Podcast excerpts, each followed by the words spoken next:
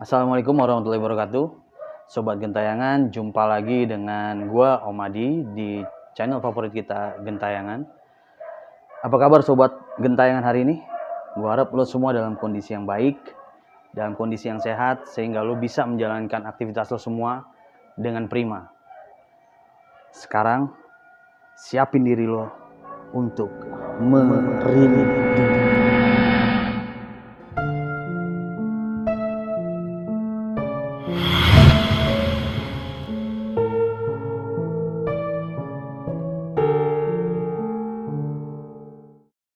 Oke, sobat gentayangan, di episode kali ini, ini episode yang kedua ya.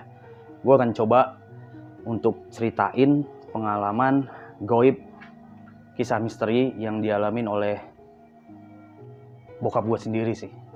Ya. Jadi waktu itu di tahun 1984 ya.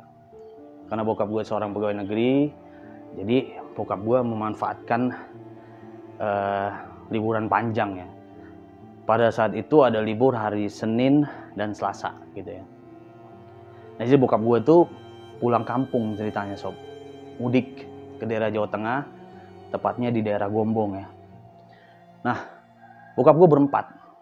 Ya, bokap gue dengan temannya satu yang nama Sanusi, satu lagi Joko, dan satu lagi Abdi. Gitu ya. Nah, karena keterbatasan uh, kendaraan waktu itu ya, Sob ya.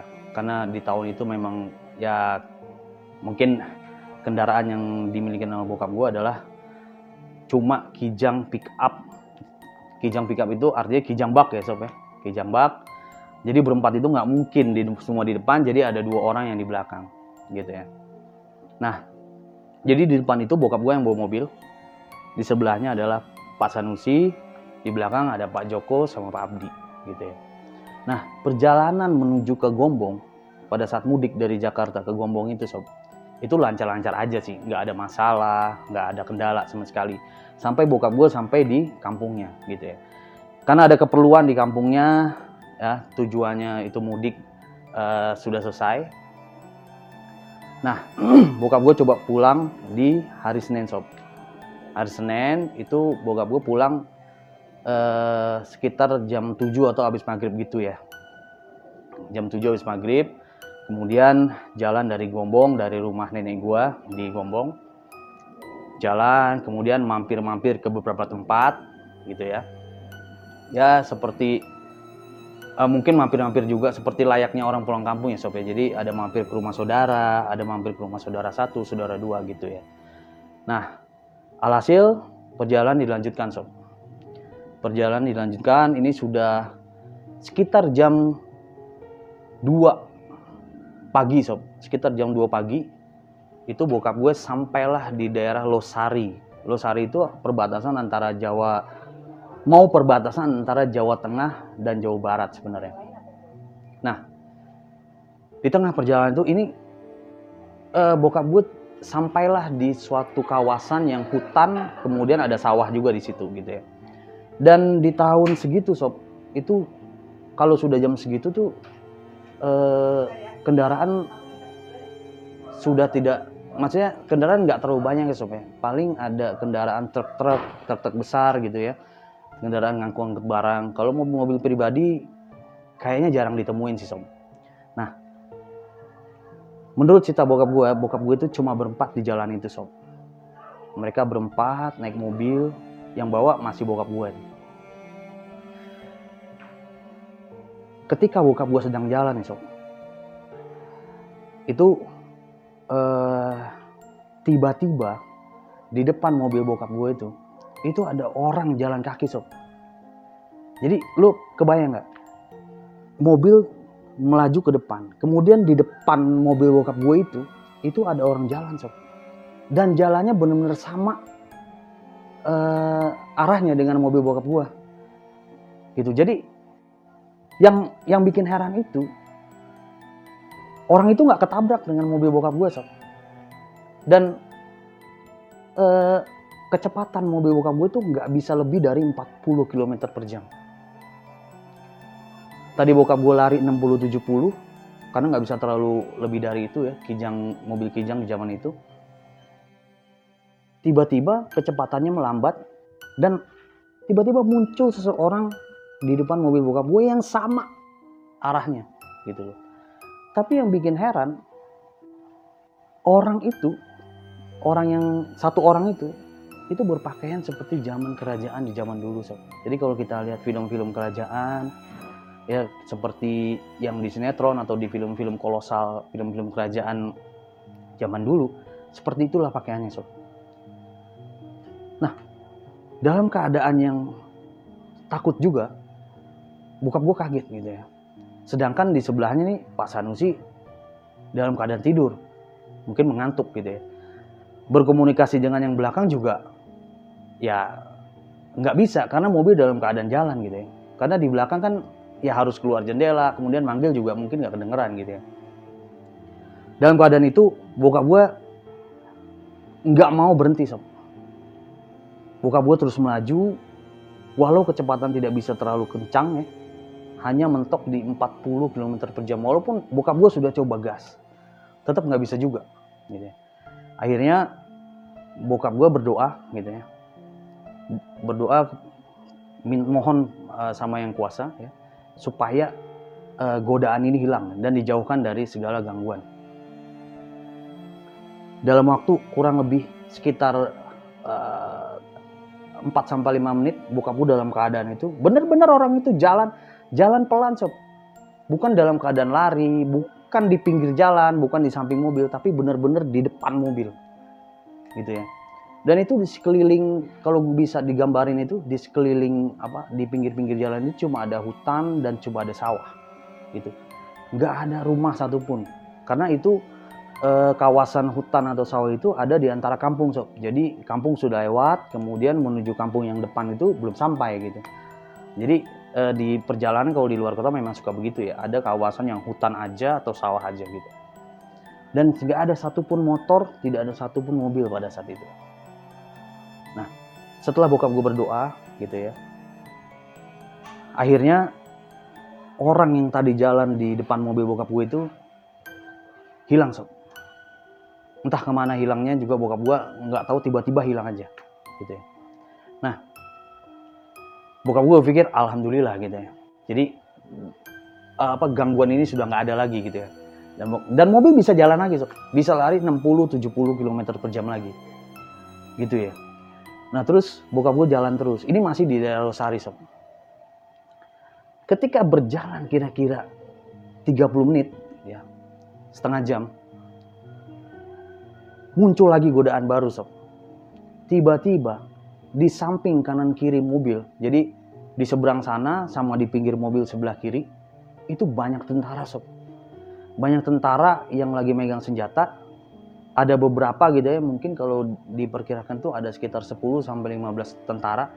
Itu mereka sedang siap siaga di pinggir jalan sob. Jadi seolah-olah tuh uh, mereka tuh sedang menjaga sesuatu gitu. Tapi bokap gue berpikir apakah masuk akal gitu ya? Di tengah hutan di tengah sawah yang sepi begitu ada tentara yang seperti sedang menjaga sesuatu. Bokap gue sempat lihat.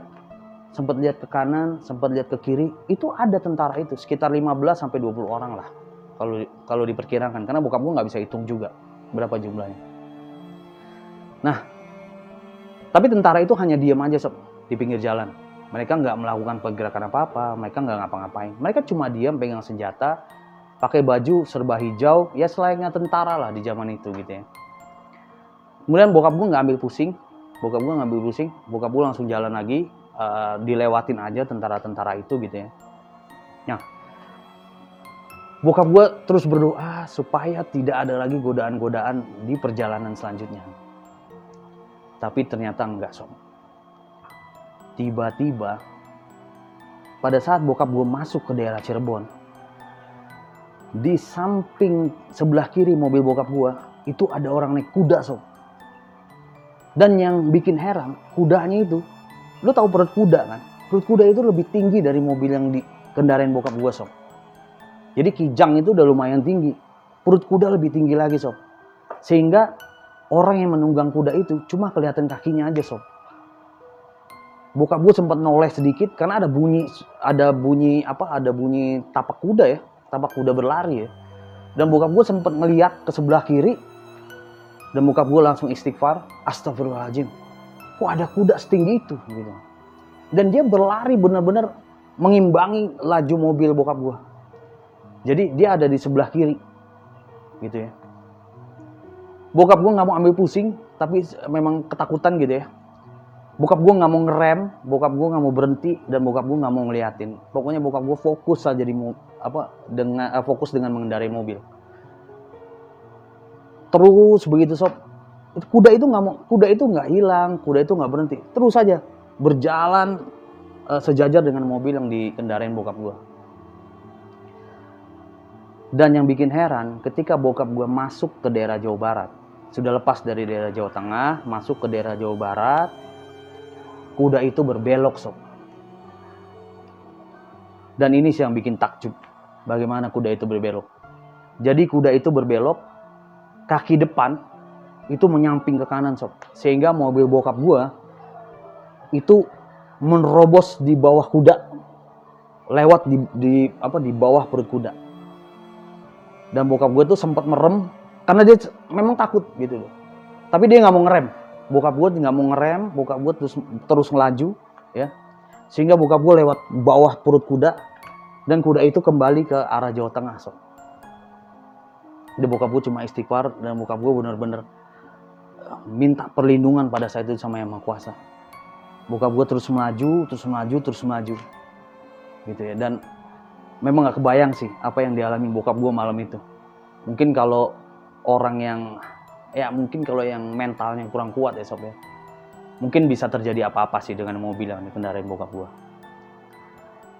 Nah, bokap gue melaju terus sampai pagi ya kira-kira sudah mau kira-kira sudah subuh sudah mau jam 5 jam 6 bokap gue berhenti untuk istirahat di daerah Sukamandi sob. Kebetulan di daerah Sukamandi itu ada eh, tempat makan gitu lah ya, tempat makan di pinggir jalan yang eh, ya bisa untuk minum kopi, untuk sarapan gitu ya. Berhentilah bokap gue di tempat itu, salah satu tempat makan tadi, turun semua, ya. Mereka berempat turun, Pak Sanusi juga sudah bangun gitu ya. Yang di belakang juga turun, akhirnya mereka berempat sarapan di situ mereka ngopi-ngopi. Ketika mereka sedang ngobrol, tiba-tiba Pak Joko dan Pak Abdi yang di belakang ini bertanya ke bokap gue. Pak, kenapa tadi malam ya Pak Yanto memang nama bokap gue biasa dipanggil Pak Yanto ya. Pak Yanto jalannya pelan sekali bokap gue kaget. Enggak, saya itu bukan sengaja melankan mobil. Tapi memang mobil itu tidak bisa saya pacu. Semua bingung. Karena semua baru tahu uh, apa yang sebenarnya terjadi. Bokap gue cerita apa yang dialamin gitu ya. Persis seperti yang tadi gue ceritain dan mereka terkaget-kaget. Bahwa bokap gue sendiri yang mengalami kejadian itu semua. Mereka tidak tahu sob. Bahkan kuda melaju di pinggir jalan di samping bokap gue tadi itu Pak Joko dan Pak Abdi pun tidak tahu. Dan ternyata kenapa Pak Joko dan Pak Abdi itu menanyakan kenapa bokap gue jalannya pelan sekali? Karena pada saat ada orang yang jalan di depan mobil bokap gue itu, di belakang itu ternyata ada seorang kakek-kakek yang ikut naik sob. Jadi mereka tuh sebenarnya dalam kondisi ketakutan yang di belakang. Dan ternyata bukan cuma bokap gue aja yang merasakan ketakutan itu sendiri malam itu. Ternyata yang di belakang Pak Joko dan Pak Abdi itu sedang dalam kondisi ketakutan karena di belakang ada seorang kakek-kakek yang ikut naik di bak mobil. Dan bokap gue juga kaget Kenapa malam itu banyak sekali godaan, gitu ya. Yang tidak merasakan tentu cuma Pak Sanusi karena Pak Sanusi dibangunin. Bokap gue coba bangunin Pak Sanusi tapi Pak Sanusi nggak nggak bangun gitu ya. Dan akhirnya eh, mereka pulang ya. Mereka pulang kemudian mereka sampai di rumah dengan selamat alhamdulillah ya. Dan ternyata eh, setelah bokap gue juga cari tahu cari tahu ternyata bokap gue jalan saat itu pulang dari kampung menuju Jakarta itu adalah malam Selasa Kliwon Sob. Di mana kebanyakan uh, orang Jawa ya itu uh, percaya bahwa malam Jum, malam sen, malam Selasa Kliwon sorry itu adalah malam yang sangat berat untuk melakukan perjalanan jauh dan ini bukan untuk menakut-nakuti ya sob. Tapi uh, ini jadi pengetahuan kita bahwa ketika kita melakukan perjalanan jauh sebaiknya kita hindari uh, untuk kita jalan di malam Selasa Kliwon. Karena uh, menurut kebanyakan orang malam itu memang malam yang berat sehingga banyak godaan di, akan banyak bisa jadi akan banyak godaan sih di sepanjang kita melakukan perjalanan jauh. Itu aja cerita gue. Terima kasih. Wassalamualaikum warahmatullahi wabarakatuh.